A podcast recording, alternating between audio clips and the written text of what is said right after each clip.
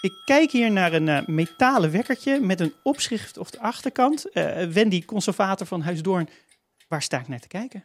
Je kijkt naar uh, de dienstwekker van Wilhelm Fernau. Mm -hmm. En dat was de kamerheer van de laatste Duitse keizer. En uh, elk personeelslid dat hier in huis aanwezig moest zijn, s ochtends al vroeg en ook sliep hier op de zolder van Heusdorm, had deze wekker op zijn nachtkastje staan. Ja, je kan dus wel zeggen Duitse punktligheid. Ja, zeker. En helemaal op dagen dat er belangrijke bezoekers stonden gepland. Bijvoorbeeld op uh, 18 januari 1931, toen uh, Wilhelm Geuring, rechterhand van uh, Hitler, bij Wilhelm op bezoek kwam. Welkom bij de Keizercast. Van adelaar tot huismus. Een vijfdelige podcastserie over het leven van de laatste Duitse keizer Wilhelm II. Na de Eerste Wereldoorlog viel hij van zijn troon en vluchtte naar Nederland. Zijn laatste 20 jaar leefde hij hier in ballingschap in Huisdoorn, een kasteel vlak onder Utrecht. Zijn huis is nu een museum waar alles nog zo staat als op de dag dat hij overleed. Een echte tijdcapsule vol opvallende objecten en bizarre verhalen. Ik ben Maarten Smeets en samen met de conservatoren Cornelis van der Bas en Wendy Landewee gaan we op ontdekkingsreis door het leven van deze flamboyante, getraumatiseerde en een tikje megalomane keizer Wilhelm, die tot op zijn dood bleef hopen dat hij ooit weer keizer van Duitsland zou worden. Aflevering 2. Kappen of een toekomst. Ik sta hier in de prachtige tuin van Huis Doorn. Een groot uh, landgoed toch wel. En daar middenin staat... Nou, ik kan het niet zeggen dat het een kasteel is, maar een, een, een prachtig landhuis. En ik sta hier naast Wendy Landewee, conservator van Huis Doorn. Um, kan je me misschien iets vertellen over het ontstaan van Huis Doorn? Jazeker, dit is al een heel oud landgoed. Uh, voor het eerst al vermeld in de historische bronnen in de 9e eeuw. Mm -hmm. Maar ja, toen was dit landhuis er natuurlijk nog niet. Toen was het eigenlijk een soort boerenhof. Ja. In het bezit van de bisschop van Utrecht. En door de eeuwen heen heeft het zich ontwikkeld tot het landgoed dat het nu is. Met dit prachtige huis. Ja, en hoe kwam keizer Wilhelm dan hier terecht? Hij kocht het in 1919 van uh, de toenmalige eigenares, mm -hmm. barones Heemstra de Beaufort. Uh, zij was al op leeftijd en haar kinderen hadden geen interesse in dit huis. Mm -hmm. Maar zij wilde kleiner wonen en luxer. En uh, ja, zij verkocht het aan ja, Wilhelm. In de vorige aflevering van de podcast hoorden we dat Wilhelm hier naar Nederland was gevlucht en in Amerongen terecht was gekomen. Dat klopt. Hij werd opgevangen daar door graaf Bentink mm -hmm. op kasteel Amerongen. En uh, ja, daar heeft hij anderhalf jaar gewoond. Uh, totdat hij de gelegenheid kreeg om een eigen huis te kopen. Ja, en toen vond hij Huisdoorn. Toen vond hij Huisdoorn. Ja. ja. En was het een beetje naar zijn smaak? Ja en nee. Dat wil zeggen, het huis was natuurlijk veel kleiner dan hij was gewend. Hij was gewend aan enorme paleis met honderden kamers. Mm -hmm. uh, maar de keuze is gevallen op dit huis, want het was op dat moment beschikbaar. En hij was erg gecharmeerd geraakt van de grote tuin. Nou, dat snap ik, want het is inderdaad een prachtige tuin. Maar wat moest er dan veranderd worden volgens hem? Er moest uh, nodig worden aangepast. En uh, daar weten we ook iets van, doordat bijvoorbeeld Lady Nora Bentink daar iets over heeft geschreven. Zij was een nicht van graaf Bentink, een Engelse nicht van graaf Bentink. En zij hield uh, nauwgezet in de gaten wat er allemaal rondom het kasteel in Amerongen en Duitse keizer gebeurde. Er bestaan in Nederland maar weinig landhuizen die ook naar Engelse begrippen groot zijn. Het was dus niet eenvoudig, ondanks de hulp van zijn vrienden, iets geschikts te vinden. Maar nadat de keizer Huis Doorn gekocht had, heeft hij er veel geld aan besteed. Badkamers, elektrisch licht, centrale verwarming en een technisch uitstekende keukeninrichting werden aangelegd. Aan de voorkant werd een grote entree gebouwd, waarin men een prachtige marmeren trap plaatste, die speciaal vanuit het slot in Berlijn aangevoerd was. Oké, okay, en uh, wat was nou uh, het grootste project? Het grootste nieuwbouwproject onder Wilhelm op dit terrein, dat was het portgebouw en daar neem ik jou graag mee naartoe.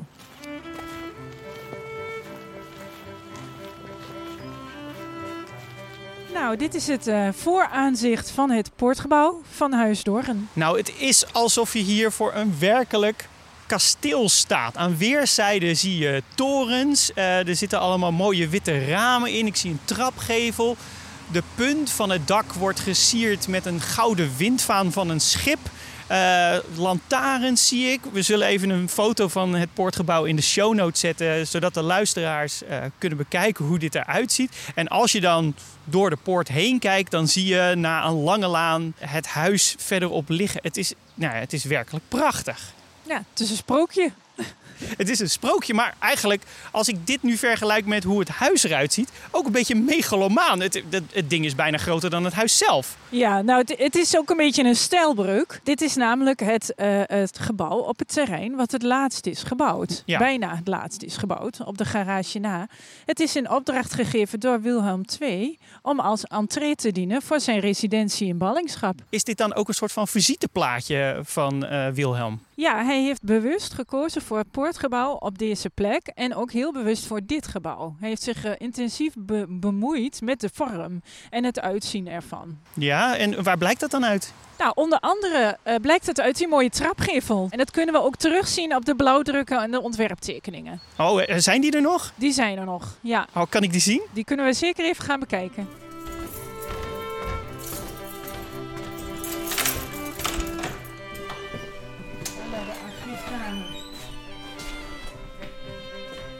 Nou, hier zijn we in de kamer waar de blauwdrukken liggen. En naast mij uh, staat Jeroen Simonis, is onze huismeester. En die weet er uh, alles over te vertellen. Ik zie uh, hier inderdaad blauwdrukken. Ze zijn ook letterlijk blauw. We zullen even een plaatje in de show notes zetten. Waar kijk ik naar, Jeroen?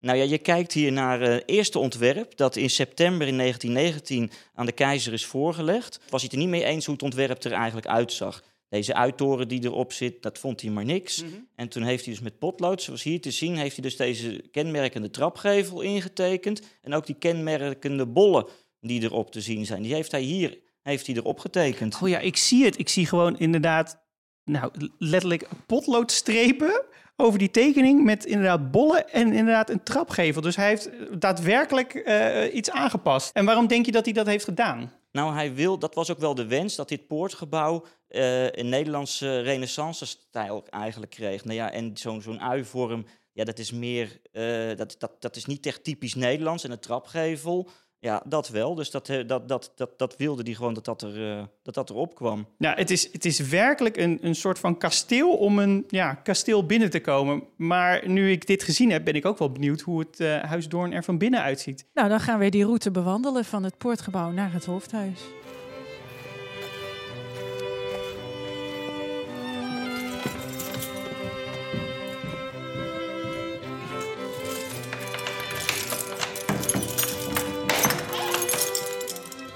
Oh, wauw, we komen hier een kamer in.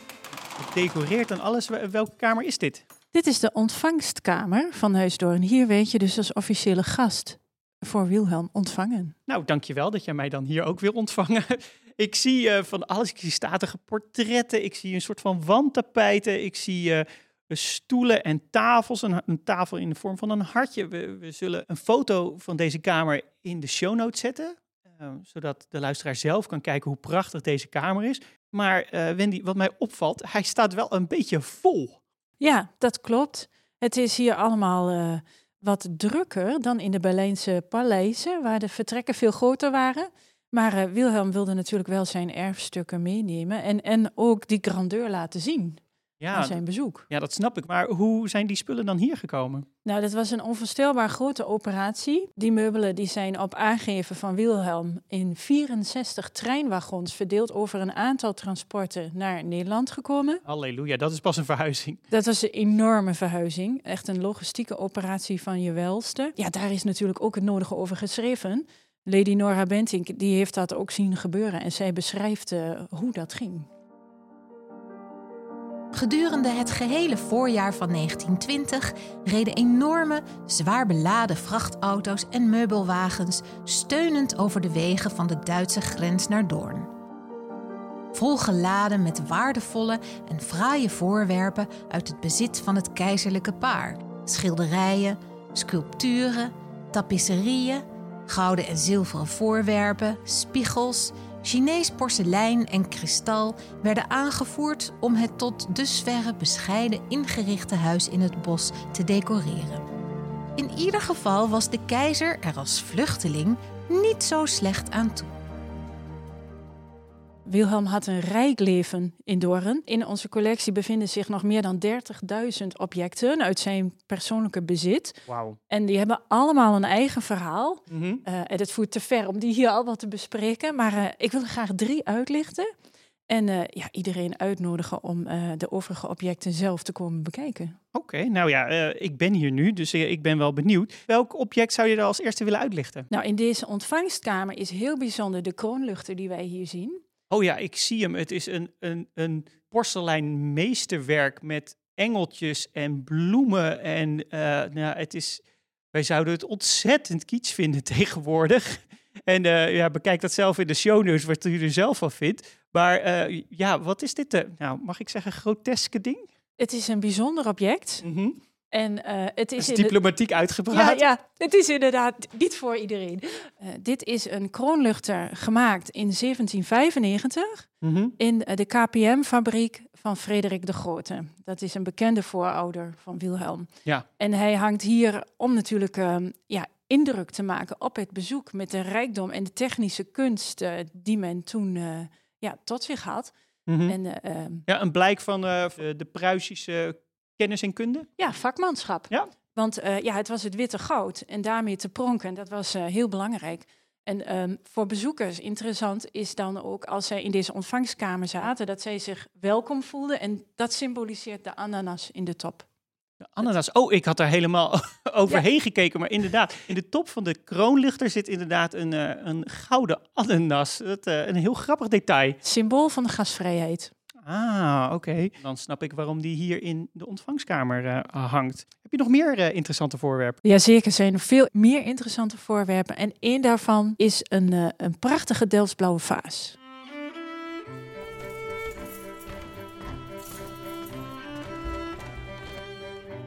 Dit is een topstuk uit de kanon van de Nederlandse geschiedenis. Oh, wauw. Wat is het? Het is een Delftsblauwe vaas mm -hmm. waar een lamp van is gemaakt. En het is een geschenk geweest van onze koningin Wilhelmina aan de laatste Duitse keizer. Ah, hij is inderdaad Delftsblauw. Op uh, de lampenkap staan uh, figuren van bloemen en uh, mooie reigers. Op de vaas zelf, die is van porselein. En daar staan diezelfde figuren eigenlijk ook weer op. De luisteraar kan de vaas bekijken in de show notes. Maar waarom is deze vaas nou zo belangrijk?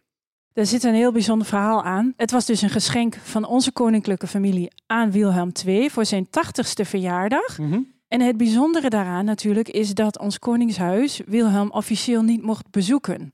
Ah. Want Nederland was natuurlijk een neutrale natie en had Wilhelm als balling opgenomen. Juist. Dus je mocht niet te veel laten blijken dat je ook persoonlijk betrokken was. Helder. Uh, maar toch werd er een geschenk gegeven. En uh, dat is uh, Wilhelmina niet zelf komen brengen, maar het is gebracht door minister Kan, die de communicatie behartigde tussen beide vorstenhuizen. Ja, en waarom staat dit stuk dan in de kanon van Nederland? Omdat het symbool staat voor uh, um, de betekenis van Huis Doorn in Nederland, namelijk plaats van herinnering voor de Eerste Wereldoorlog. En Wilhelm had hier niet kunnen zijn als Nederland niet neutraal was geweest. En daar komen eigenlijk al die verhaallijnen samen. Ja, dat is super interessant. En dat is natuurlijk ook waarom uh, we hier zijn. Heb je nog meer om ons te laten zien? Jazeker. We hebben ook objecten die uh, naar een heel andere dimensie van het leven op Huisdorp voeren, namelijk een personeelswekker.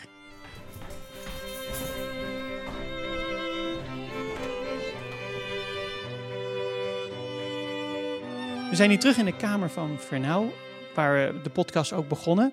De kamerheer van Huis Doorn. Is uh, vrij klein. Er staat een bureau, er staat een wasbak, er staat een bank en een nachtkastje. En daar stond die wekker dus op. Uh, wat maakt deze wekker nou zo bijzonder? Het was een dienstwekker. Dus uh, deze wekkers werden ter beschikking gesteld aan het personeel dat een slaapplaats had in het huis en echt op tijd op zijn werk moest zijn om de keizer te helpen zich voor te bereiden op de nieuwe dag. Ja, wat ik heel grappig vind, wat, wat staat hier achterop deze wekker? Achter op de wekker staan de namen gegraveerd van die personeelsleden. Dus de wekker werd echt aan jou toegewezen en jij moest daar verantwoordelijkheid voor dragen. En je kon je ook niet verschuilen achter uh, uh, ja, problemen, want uh, je hebt je wekker. Ah, oké. Okay. Maar hoeveel wekkers stonden dan hier door heel Huisdoorn? Nou, we hebben er nog circa tien in het depot. En uh, ja, daar staan ze te midden van uh, alle andere duizenden voorwerpen die we niet in het huis kunnen opstellen, maar wel onderdeel uitmaakten van de huishouding. Ja, die met die 64 wagons hier naartoe waren gekomen. Ja. ja. Dus Huis Doorn was echt te klein voor uh, al zijn meubels. Ja, zeker. En hij heeft natuurlijk ook heel veel laten overkomen, omdat hij niet in Duitsland kon blijven. En hij had altijd het idee van als ik weer terug ga, wil ik dit weer meenemen. Ja, ja, ja. ja die wekker die staat dus ook voor tijd en op tijd komen. Maar wat deed uh, Wilhelm eigenlijk de hele dag door? Hoe zag zijn dag er eigenlijk uit? Hij had een vaste structuur. En uh, die werd hem ook aangereikt. En dat was ook nodig, want zijn uh, dagen hadden eigenlijk geen vaste functie meer. Mm -hmm. Hij hoefde geen brieven meer te schrijven, hij hoefde geen overeenkomsten te ondertekenen, geen staatsbezoeken, geen ontvangsten, geen openingen meer. Ja. Dus hij moest echt een daginvulling hebben. Ja, het klinkt een beetje zoals ik in lockdown zat, dat ik opeens ook een hele dag zeg maar had en ook een soort van dagbesteding nodig had. Hij zat natuurlijk, hij was in ballingschap, dus hij zat eigenlijk ook gewoon in lockdown. Hij zat in zekere zin in lockdown. Hij mocht zich vrij bewegen in een kring van 25 kilometer rondom dit landgoed. Voor andere reisjes verder moest hij echt toestemming aanvragen. En uh, ja, de dagen vulden zich hier met zijn hobby's. Dus uh, uh, lezen over de Eerste Wereldoorlog, praten over de Eerste Wereldoorlog, archeologische studies, weermetingen verrichten. En op hoogtijdagen werd er film gekeken. Film gekeken, maar dit is 1930, 1940. Dus dat is echt vroeg. Had hij gewoon een bioscoop aan huis? Ja, dat wil zeggen, hij beschikte zelf niet over de apparatuur, maar er waren contacten gelegd door uh, de hofmaarschalk en de adjudanten met grote filmhuizen in Amsterdam. En die kwamen dan uh, ja, op bestelling en moesten dan vooraf ook aangeven gewoon welke films achten wij geschikt voor de keizer. Ja. En dan werd er een keuze uitgemaakt. Bijvoorbeeld uh, Ben Hur is hier gekeken. Oh, wauw. Ja, want Wilhelm was echt ja, fanatiek uh, bestudeerde van de klassieke oudheid. Dus dat sprak hem aan. Ja, dus uh, Ben Hur zeker. Ja, dit is ook inderdaad zo'n lekkere lange lockdown film om te kijken. ja, en uh, uh, je zei al dat hij bezig was met weer en met films kijken. Had hij nog meer hobby's? Ja, hij hield van het buitenleven. Dus behalve weermetingen ook van tuinieren en bomenkappen. Bomenkappen? Ja. dat, dat klinkt als een hele gekke hobby. Ja, maar dat laat ik jou graag zien op de hakplaats buiten.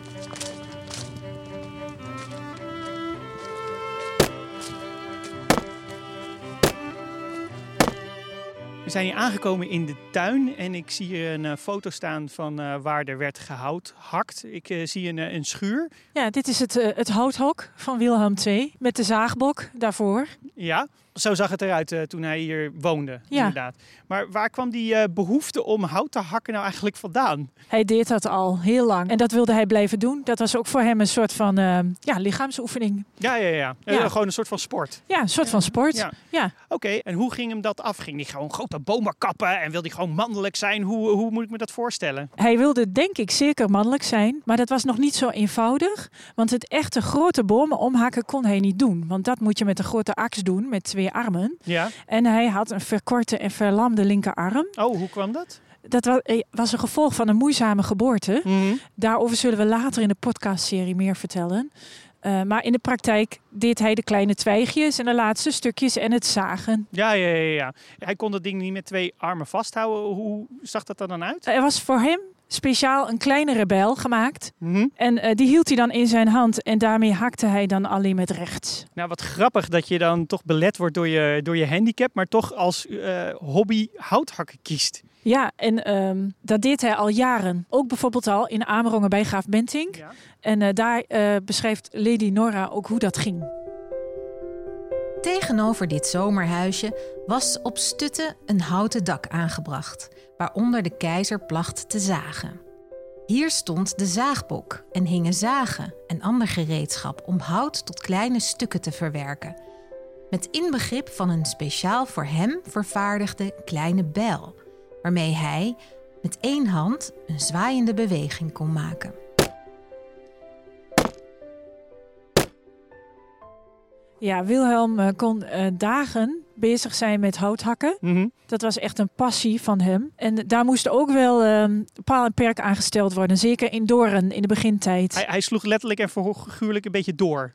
In het hout hakken. Ja, hij, hij was dusdanig fanatiek dat er eh, grote delen van het bos verdwenen. En erdoor... Van hier, van deze Ja. prachtige tuin. Precies, dus de- men had op een gegeven moment vanuit de Langbroekerweg gewoon zicht op wat er in het park gebeurde. Hmm. En ja, dat, dat betekende natuurlijk iets voor het verlies aan privacy. Ja, En da- ja, dat wilde men echt voorkomen. en, en wat hebben ze daar toen aan gedaan? Ze hebben Wilhelm gestopt met dat hij in zijn eigen tuin ging hout hakken. Ja, en er werden afspraken gemaakt met kasteelheren in de buurt. Of die dan niet daar in de grote bosarealen af en toe mocht bijdragen aan het houtkappen. Ah, dan kon hij daar gewoon lekker door eh, ja, Ja. met kappen. Met kappen. Ja, hij kon niet kappen met kappen. Daar komt het op neer. Daar komt het op neer.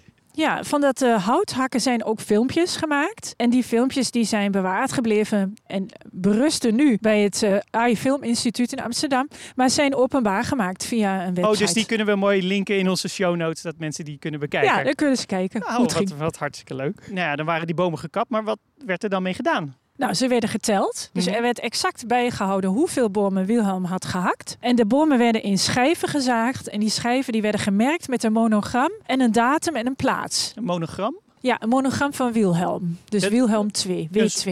Ja, oké, een soort van logo. Ja, een soort van logo. Ja? Ja. En in 1930 had men de 50.000ste boom gezaagd. Halleluja, dat zijn inderdaad wel een hele hoop bomen. Ja. Dat, eh, en wat, wat werd er dan met die schijven gedaan? Nou, die werden weggegeven als relatiegeschenk aan gasten, als cadeau. Ook eh, hè, als er bijvoorbeeld de plaatselijke eh kinderkoor kwam, dan kregen ze een schijf. Oh, wat Ja. leuk. Iedereen een schijf mee naar huis. En jij krijgt een schijf. En jij krijgt een schijf. Dan moest hij inderdaad wel door blijven hakken. Ja. Maar dat hakken, dat deed hij dan waarschijnlijk niet alleen met zijn linkerarm. Nee, er was een hakteam. Een hakteam. Ja, en dat hakteam dat bestond uit eh, ehm, personeel wat verbonden was aan de tuin. Dus echt een houtkapper en de tuinlieden. Ja? Maar ook bijvoorbeeld adjudanten werden geacht daar echt bij aanwezig te zijn. Want het was dus ook een sociale activiteit. Ja, ja, ja. Dus eh, Von Ilseman, de vleugeladjudant van Wilhelm, was daar ook bijna altijd bij. Het was echt verplicht. En hij schrijft daarover. Aangezien het regent, zaagt de vorst vandaag in de garage. Bij de 2000e stam worden schijven afgezaagd die bestemd zijn om weg te schenken. De keizer houdt de boom vast, gravin Elisabeth en ik zagen. De keizerin legt de afgezaagde stukken op een hoop bij elkaar. Een merkwaardig tafereel. Voor Van Ilsebal was het dus echt ver- verplichting. Ja, werd hij niet op een gegeven moment beu, al die bomen hakken? Ja, het werd hem echt wel te veel. En eh, we weten ook al uit Amerongen al dat er op een gegeven moment een stuk hout op zijn voet viel. En dat hij die ja, situatie aangreep om een paar dagen met zijn been omhoog te zitten en niet bij het hakken aanwezig te zijn. Echt even vrij. Dat bij het zagen een boom op mijn voet is gevallen, gebruikte ik als voorwendsel om in Villa Pleun een aantal dagen volledig gerust te houden. Ik moest een aantal dagen zonder de keizer zijn. Het houtkappen had dus ook een hele sociale positie. Ja, de betekenis daarvan was ook heel groot. Het werd ook ingezet als diplomatiek instrument. Bezoekers die eh, naar Dorren kwamen, moesten op de hakplaats ook verschijnen. En dat was een soort ja, informele kennismaking met bezoekers. En, Mhm. eh, met name ook eh, bezoeken die ervoor dienden om Wilhelm weer terug te brengen op de troon. Bijvoorbeeld de bezoeker Herman Geuring werd ook uitgenodigd om hier eh, ja, op een hele makkelijke manier eigenlijk eh, het gesprek aan te gaan over de toekomst en de droom van Wilhelm weer terug te komen op de troon. 18 januari 1931. Hitlers rechterhand, Geuring, is vanmorgen aangekomen en werd meteen door zijn majesteit ontvangen voor een lange audiëntie. Om 11 uur verscheen hij met Kleist op de houthakplaats. Zijn majesteit was eerst zichtbaar verlegen, maar herstelde zich snel en even later waren ze beiden in levendig gesprek verwikkeld. Geuring sprak in krachtige termen, maar echt op de toon van een agitator die propaganda en verkiezingstoespraken houdt. Hij sprak zo overtuigd en vol optimisme over zichzelf en zijn partij dat men werkelijk verbaasd stond. Toen ik dit viertal, de keizer, de keizerin, Kleist en Geuring bij elkaar zag, bedacht me hoe dwaas het toch is dat deze vier mensen hun hoop stellen op de nazi's. Ook is het vreemd dat alle heren die in Doorn bij de majesteit in dienst zijn, tot de Duits Nationale Partij behoren.